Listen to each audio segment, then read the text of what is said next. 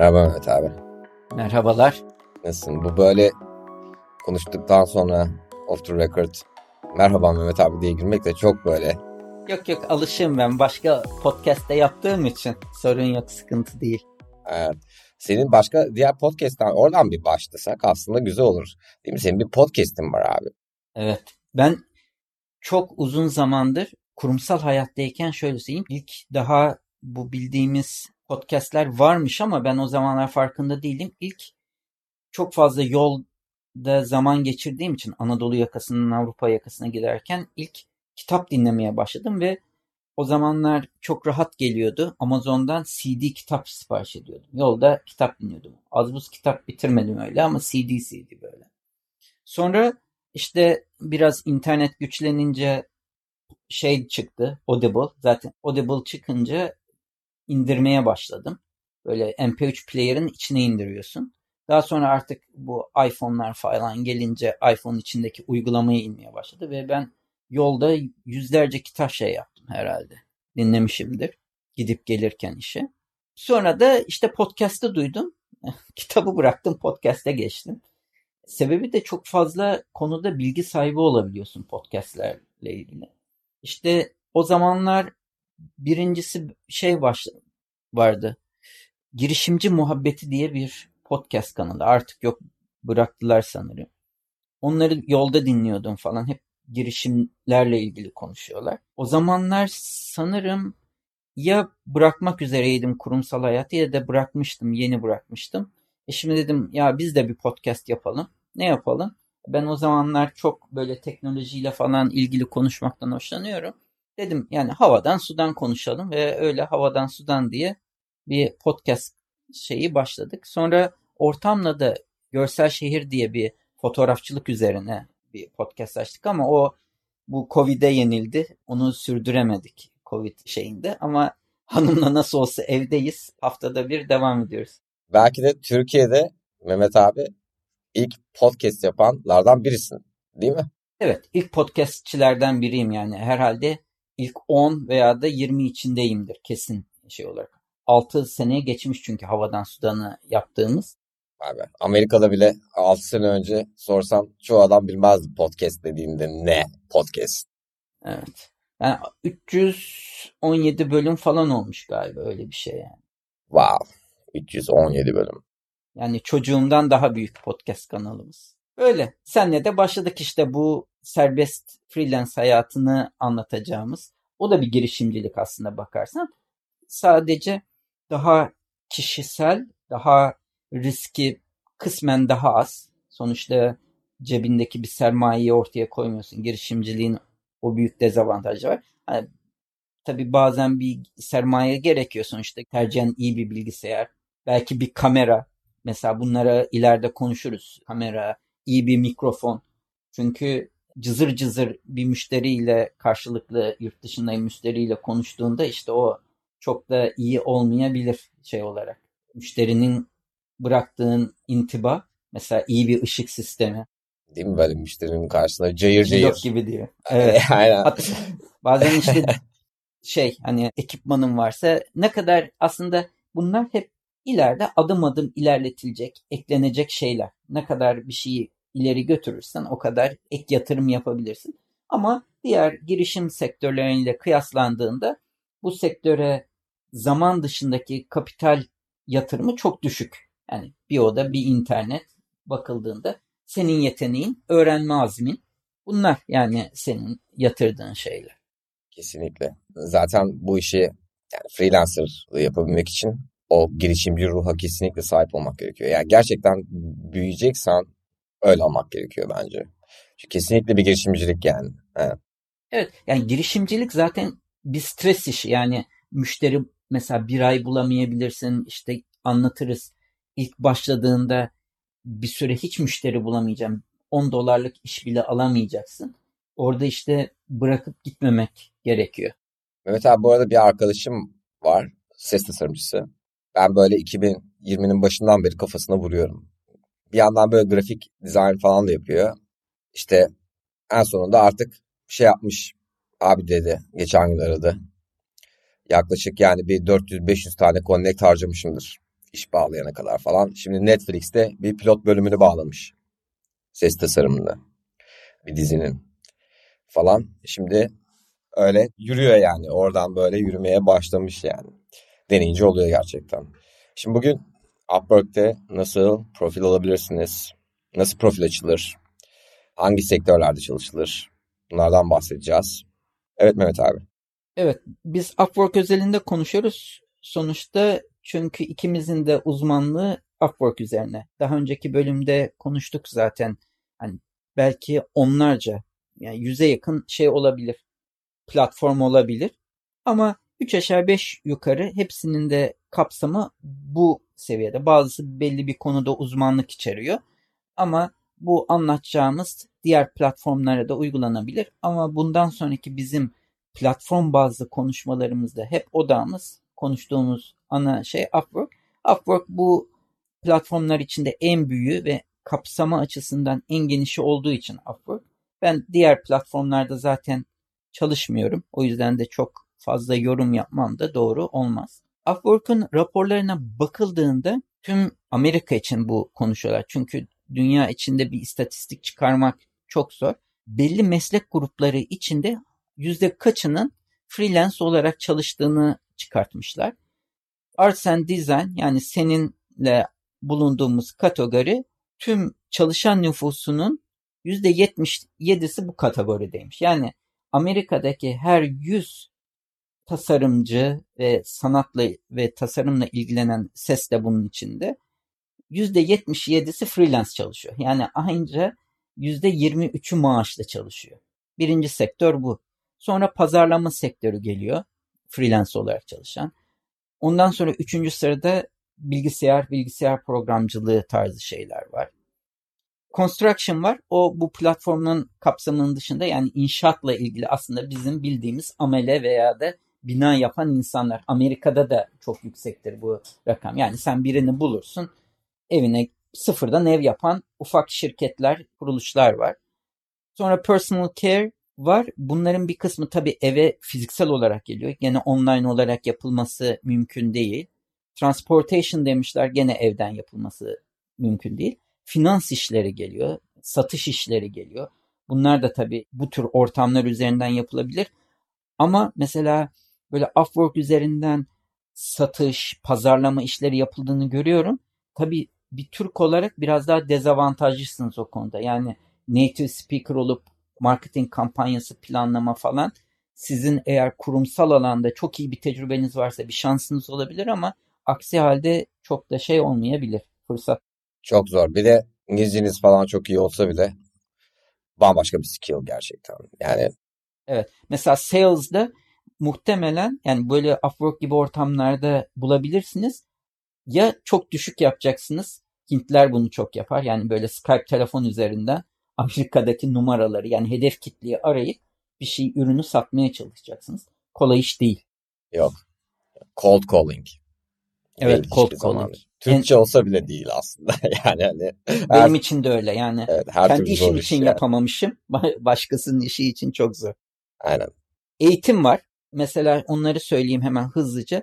Eğitim tarzı şeyler de eğer gene birilerine bir öğrenciye matematik öğretme, bir kişiye mesela Türkçe öğretme, bir özel bir dil biliyorsunuzdur, onu öğretebilirsiniz. Bu tarz işler mevcut. Gene de bu da sizin ne kadar o işte tecrübeli olduğunuzla alakalı. Son kategori bu tarz işlerde ve çok yaygın olduğunu gördüğüm administrative support yani sanal asistanlık. Burada tabii time zone için yüzünden, zaman dilimi yüzünden mesela Amerikalı veya Avustralyalı ki bu tür sektörlerde en çok talep oralardan geliyor. Yani onun asistanlığını yapacaksınız, toplantılarını alacaksınız, takvimini düzenleyeceksiniz, e-postalarını okuyup gereksiz e-postaları ayıklayıp önemli e-postaları özet olarak bildireceksiniz. Ama bunun için de o zaman diliminde olmanız çok önemli. Ancak Türkiye'den muhtemelen bir Avrupalının bu tür admin asistanlığı yapılabilir. Yine bu konularda şeyiniz varsa. Yani aslında yapılır tabii de bunu göze almak gerekiyor. Yani gece uyumamayı, onların zaman dilimine göre çalışmayı göze almak gerekiyor. Yani ben ilk başladığım zamanlarda işte Jose diye bir Avustralyalı arkadaşla Yani ses için anlaşmıştık ama iş bittikten sonra ben ona biraz böyle admin support da yaptım. Yani mesela aslında çok başlangıç için eğer ne yapacağınızı bilmiyorsanız çok mantıklı olabiliyor bunu yapmak. Çünkü mesela bunu yapmam aslında benim iletişimimi geliştirdi. Nasıl yaklaşmam gerektiğini müşterilere. Bir sürü yetenek yani bir sürü skill kazandım aslında bunu yaparken. İyi bir seçenek yani bence yine de. Evet işte ne yaparım ve özel bir yeteneğim var diyemiyorsanız en kolay şeylerden biri bu. Yani bir yönetici aslında ama kolay dediğime bakmayın. Bunun, bütün söylediğimiz her şey eğer bu işlere girerseniz göreceksiniz ki çok zaman, emek istiyor. Yani sevmediğiniz bir işi de yapmanızın hiçbir anlamı yok. Ben ortaokuldan beri fotoğraf çekiyorum. Bir 2000 senesinden beri de Photoshop'la ilgileniyorum. Yani şu anda bakıldığında 21 sene olmuş benim Photoshop'ı ilk açtığımdan ve hiç bırakmadım. Yani bu sevdiğim için yapıyorum. Hobi için başladığım bir şey. Genç delikanlıymışsın Mehmet abi. İlk Photoshop'u açtığında. Baya. Evet aynen öyleydi ve tabii ki crack'ti yani Türkiye'nin 2000'li yıllardaki şeyi. Ama evet. şunu da söyleyeyim. İlk herhalde hobi olup çünkü kurumsal hayatında bir avantajı o. İyi bir geliriniz olduğu zaman hobinize para harcayabiliyorsunuz. Ve o zamanlarda tabii dolar kuru böyle olmadığı için birebirdi neredeyse.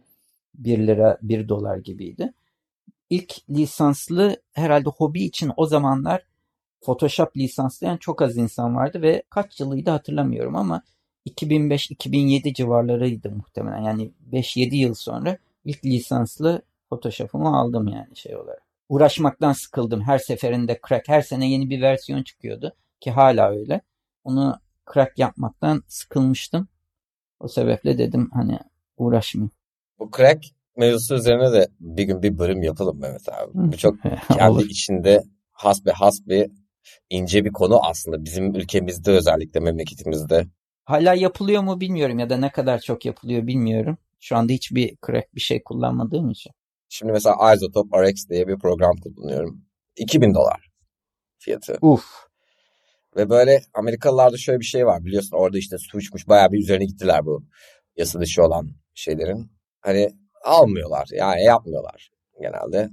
Bu tabii böyle adam mesela sound designer ama alamıyor. İşte Isotope RX alamıyor yani.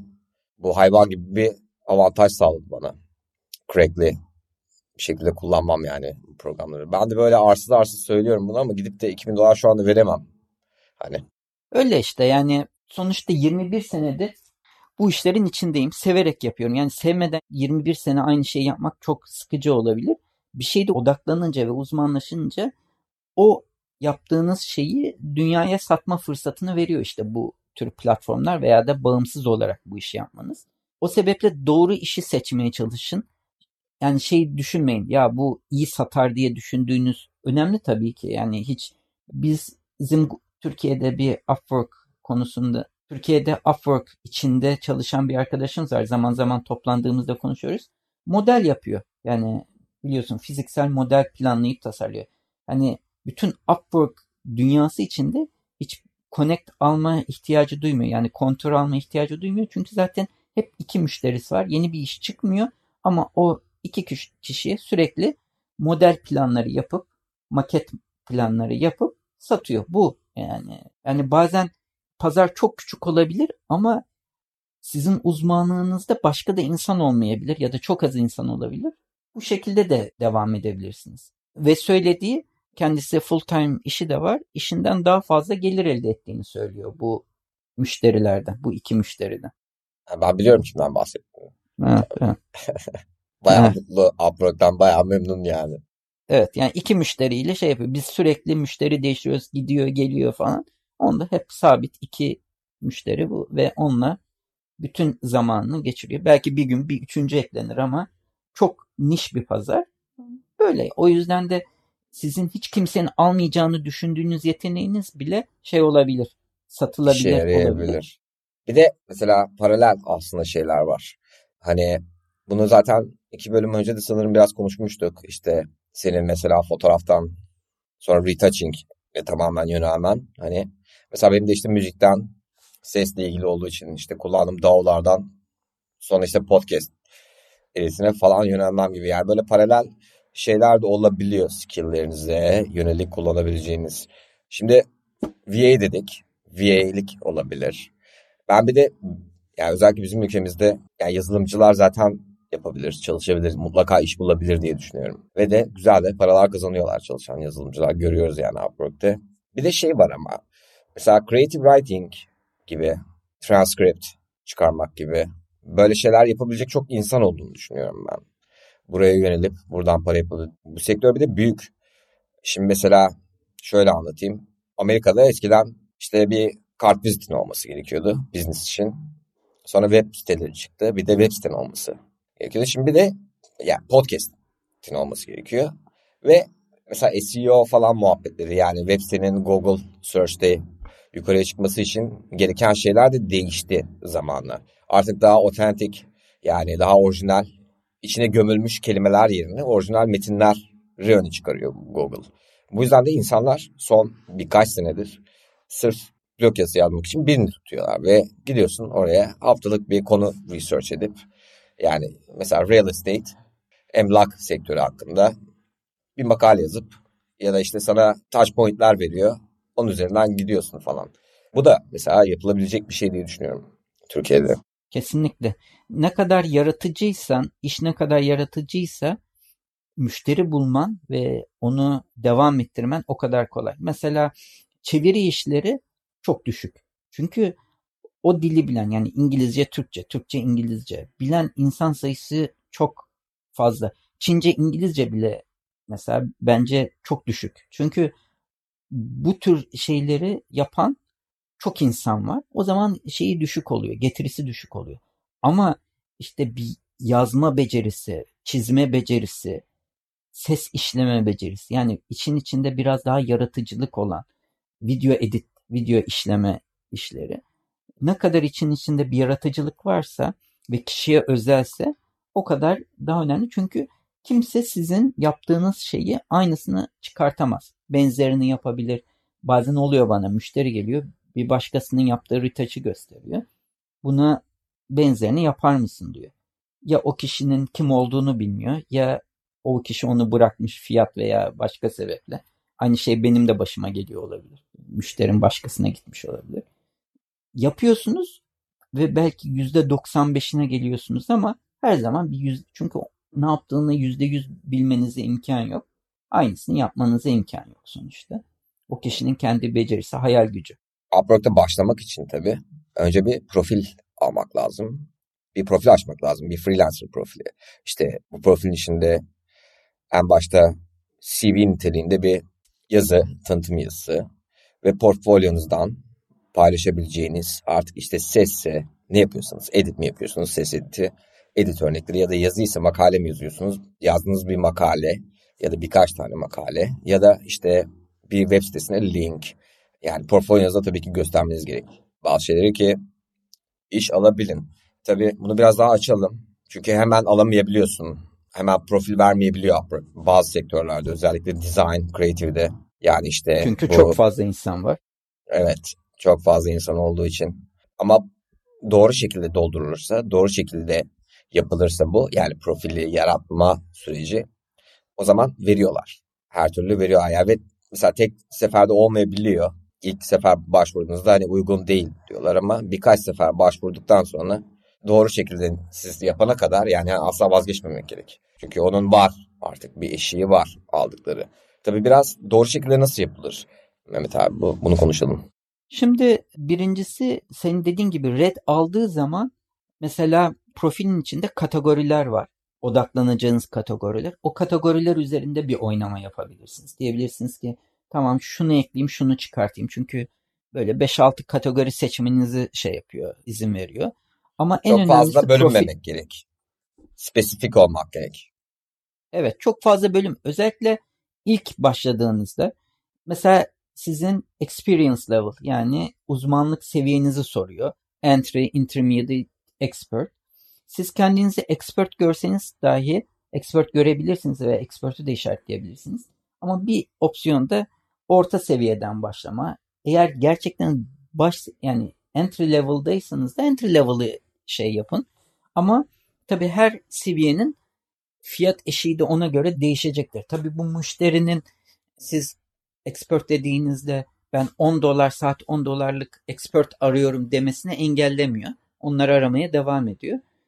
Bu daha ileriki şeylerde müşteriyle pazarlık konularında onları şey yaparız. Ama bu üç kategoriden birini seçiyorsunuz. Ben hiç intermediate'ı seçmedim. Yani 6 sene önce de expert level'la başladım ama o zamanki dünya farklıydı. Bazı değişiklikler olmuş olabilir. Sonra belli bir seviyeye kadar diyorsunuz ki kazancım gösterilsin gösterilmesin. Kazancınızın gösterilmemesi müşterinin her öyle gezinirken sizin ne kadarlık bir gelirinizin olduğunu görmesini engelliyor. Ama search tool'unda işte 10 bin dolar üstünde kazancı olmuş olsun diye aradığında tabii sizin o filtreye takılmanızı da engellemiyor. Yani siz sayeden 10 bin dolar kazandıysanız ve gizli ise gene de aramanın sonucunda çıkıyorsunuz. Ama bunlara karar vermeniz gerekiyor. Gözüksün mü gözükmesin mi? Ben mesela saklamayı tercih ediyorum. Kişisel olarak yani öyle hani orada gözükmesin diye. Ama Mehmet abi bir işe başvurduğunda mesela yine görüyor müşteri. Yani o işe başvurana kadar saklıyor sadece. Aynen öyle. Zaten gezinenlerin görmesini engelleme. Yani gereksiz kişilerin sırf gelir sebebiyle invite veya da başka bir mesaj atmasını engellemek için ben saklamayı tercih ettim. Bunun artısı da eksisi de var yani şey olarak.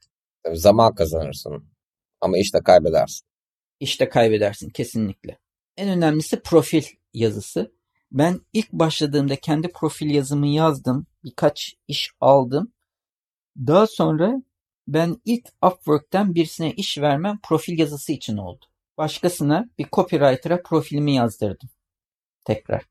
Çok önemli. Mehmet abi ben şimdi burada bir copywriter'a mesela diyelim ki arkadaşların verecek parası yok.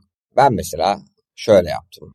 Girdim hatırlamıyorum hangisi ama böyle mesela e, işte bir oyun sektöründe iş ilanları ile ilgili bir web sitesiydi. Sadece oyun sektöründe coderlar arıyorlar, işte grafik insanları arıyorlar, animasyon, animatörler, ses insanları arıyorlar. Orada bir iş ilanına girdim. İşte orada aradıkları kriterler zaten çok profesyonel oluyor o iş ilanları bir de. Çok güzel yazılmış oluyor. Yani onlar da muhtemelen bir copywriter'a falan yazdırıyorlar hatta. Oradan aldım, onu kopyaladım. Sonra onu kendime adapte ettim. İşte bir liste halinde. Ve çok profesyonel görünüyor. Hiç değiştirmedim ondan sonra. Ya böyle bir şey yapılabilir hani bir şeyi alıp kopyalayıp sonra düzenleyip kendine ben göre. Ben ilk başladığımda da seninkine benzer. Bu sefer o hani gelirimi saklamamın sebeplerinden biri en yüksek gelirli birkaç retoucher'ı buldum şeyden. Sanki müşteriymiş gibi. Onların profilindeki tekstleri bu şeyde Google Docs'ta birleştirdim. En beğendiğim kısımları. Sonra kendimi adapte ettim. Bir süre ben işte o 5-6 işe şey olana kadar o profil yaptım. Seninkinin bir benzeri aslında. Bu sefer Upwork'ta bu işi iyi yapanların profillerine yoğurarak yaptım. Şimdi ise belli aralıklarla değişiklikler yapıyorum. Mesela Grammarly diye bir program var. Bedava ve ücretli kısmı yani bedavası da var, ücretli versiyonu da var. Mesela şu anda ben onun ücretli versiyonunu kullanıyorum. Grammarly bütün İngilizceni bir şey yazdığında zaman metni düzeltmeni sağlıyor. Ve şu anda müşterilerime teklif attığım zaman da aynı şekilde Grammarly'den hep geçiriyorum. Böylece typo hatası veya da diğer hataların da önüne geçmiş oluyorum. Yoğun olarak kullandığım bir uygulama. İngilizcem sonuçta ana dil değil. Fena da değilimdir İngilizce olarak. Senin aksanına yetişemiyoruz ama orada öyle bir şey kullanıyorum. Yani sürekli böyle artık daha azaldı profil açıklamamı güncellemem ama hala zaman zaman müşterilerden gelen yorumlar bazen müşteri mesela ben asla çalışma dosyasını vermem. Müşteri mesela istiyor ben artık profilin altında şunları sağlıyorum, şunları sağlamıyorum diye mesela kısım ekledim. Proje dosyasını istiyor müşteriler öyle mi? Bazen öyle evet. İsteyen çıkıyor. Ben bunu hiçbir zaman vermedim. Bütün ha, triklerini evet. ver diyor yani. Anladın mı? Ha, ne tabii ha, aynen öyle. Her şeyini görmek istiyor. Ha. Asla da vermiyorum. Ama artık onu da profiline belirtiyorum ki bak profilimde yazıyor bu. Ben bunu çünkü iş artık bitmiş. Bana işte bizdeki proje şeyi layer PSD'ni paylaş dediği zaman ben orada dur diyorum. Biz bunu yapmıyoruz. ama falan dediğinde bak profilimde de yazıyor diyebilmek için mesela onu eklemişim. Zaman içinde bir evrim geçiriyor profilim ama bu önemli bir şey ve ne kadar düzgün İngilizceyle gereksiz uzatmadan ama her şeyi de mümkün olduğunca açıklayan bir profil yazılması en önemlisi. Evet yani kısa ve öz. Çünkü zaman gerçekten insanlar için değerli bir şey. Yani insanlar oturup sizin özgeçmişinizi, şurada çalıştığınızı bu umurunda değil insanların. Ne yapabileceğiniz, hani ne yani neyi satın aldığına bakıyor adam aslında orada. O yüzden kısa, öz ve etkili profil yazısı en en başta dikkat edilmesi gereken ilk şey yani. Buna oturup gerçekten biraz zaman ayırmak gerekiyor düzgün bir şey yazabilmek için. Evet. Yani bir gün yazın, ikinci gün tekrar üstünden geçin, tekrar üstünden geçin ve böylece en azından başlangıç seviyesinde en düzgün profil yazısını yazmaya çalışın. Ondan sonraki aşama portfolyo. Yani ne yaptığınız, ne yapabileceğinizi göstermeniz gerekiyor. Bunu da mümkün olduğunca hani daha önce hiçbir iş yapmadıysanız çok zor. Ama mesela diyelim ki benim gibi bir tasarımcısınız falan hiç yaptığınız iş yok. O zaman kendiniz iş uyduracaksınız ve zamanınızı harcayıp yapacaksınız yani bir şeyler. Evet. Mesela işte sesle uğraşıyorsanız gideceksin. Mesela işte ne yapmak istiyorsun? Podcast editörlüğü yapmak istiyorsun. Git YouTube'dan indir bir tane interview. Oradan kısa bir kesitini before after editle ya da retouch yapıyorsun before after yap. Bunu koy portfolyona. Yani öncesi ve sonrası e, diye. Hani bunlar tabii etkili oluyor mutlaka. Ben mesela şey yapmıştım. Böyle birkaç tane müşteri bağladım. Nasıl editlediğimi sesi böyle bir 20 saniyelik bir kesiti editledim ve onu koydum. Kullandığım program falan nasıl yaptığım, ne yaptığım. Mesela bu da etkili olmuştu birkaç iş almamda. Evet. Upwork'ta zaten video yükleme imkanı veriyor. Oraya kendiniz kamera karşısına geçip bir kayıt yapabilirsiniz. Önce yaptığınız işlerden bir miksaj hazırlayıp onları yükleyebilirsiniz. Yaptığınız retouch'ın işte screen kaydını paylaşabilirsiniz. Yani kısa bir videoyu da bu şekilde Upwork'e yükleme imkanınız var. Bunlar en kritik konular şey olarak bakıldığında. İlk başta profil ve iş alma açısında. Yani şimdi özetlemek gerekirse önce kategorimizi doğru seçiyoruz. Çok fazla yayılmıyoruz ve daha spesifik oluyoruz kategorimizde. Sonra düzgün bir giriş yazısı, bir tanıtım yazısı ya da yazıyoruz. Ve son olarak da portfolyomuzu düzgün bir şekilde. Bir de Mehmet abi şey var aslında atladığımız. Çalışacağımız kategoriyi seçiyoruz. Bir de skill'lerimizi de giriyoruz. Çünkü bu algoritmada yardımcı oluyor. Yani yeteneklerimiz işte mesela ses ise işte audio restoration, audio mixing, audio engineering, işte audio books, podcast editing hani neyse artık bu skill'leri giriyoruz. Ve son olarak da portfolyomuza bir ya da birden fazla olması daha iyi olur. Örnek koyarak profilimizi kuruyoruz. Var mı Mehmet abi eklemek istediğim bir şey bunların dışında? Bunlar en baştaki şeyler, detaylar. Çok daha fazla ıvır zıvır mesela bunlar hani sizin iş almanızı etkilemeyecek ama Upwork mesela kimlik skenleri isteyebilir. Muhtemelen bir iki iş aldıktan sonra sizle bir yüz yüze görüşmek isteyebilir video call üzerinden. Onaylamak için profilinizi. Evet. Çok sıkıya alıyor çünkü birkaç çeşit insan grubu var aynı zamanda Upwork'ta. Birincisi bir iki de hani iş alıp müşteriyi aldatan kesim. Bu bir. Bu çok kısa süreli oluyor. Sonuçta iki müşteri şikayetiyle sonuçta sizi tamamen oradan atıyorlar. Bir böyle bir grup var. Bir de bir sebepten dolayı Upwork kurallarını çiğnediği için atılan ve başkalarının profilin üzerinden iş yapmak isteyenler ve bunlar sizden bir profil yaratıp o profili kendi üstlerine almaya çalışıyorlar ki tekrar işlerine dönsünler. Upwork da sizin başkasının şeyini almadığınızı anlamaya çalışıyor. Yani gerçekten söylenen kişi misiniz? Sizi bulmaya çalışıyor. Bu tarz işte o yüzden de bir video call gerekebilir. Bir video konferans yapabilirler sizle. Sizin burada yapacağınız Upwork'un kurallarına harfiyen uymanız. Yani işinizi düzgün yapın. Upwork'tan gelen müşteriyi Upwork dışına almaya çalışmayın. O müşteri size bile dese hadi sana direkt çalışalım Upwork komisyonlarını ödemek zorunda kalma dediğinde kusura bakmayın Upwork'un kurallarına aksi bir durum ben bunu yapamam deyip reddedin. Çünkü atılırsınız Aksini yaparsanız Atılırsınız. asılırsınız. Ve Atılırsınız bir daha da ve "Aa, ya görüyorlar gözünün yaşına bakmıyorlar yani. Hadi babalım deyip yolluyorlar ve bir daha da giremiyorsun. Çok fazla insan var. Bir daha da giremiyorsun. Aynen söylediğin gibi. Korkunç. Korkunç bir senaryo. Şöyle söyleyeyim. Benim Upwork'tan atılan bir arkadaşım var. Upwork kurallarıyla alakası yok. Çok uzun süre Upwork'tan hiç iş almadığı için yani hesabı idle bıraktığı hiç yani bir yıl boyunca hiç böyle şey yapmamış kontür duruyor falan şey yaptı. Çıkarttı ve bir daha da almıyoruz dedi. Atıldı. Vay be. Yani Vay. sen ilgilenmiyorsun diyor. Biz seninle şey yapmıyoruz diyor. Wow. Çok ilginç ya. Hiç bilmiyordum böyle bir şey olduğunu.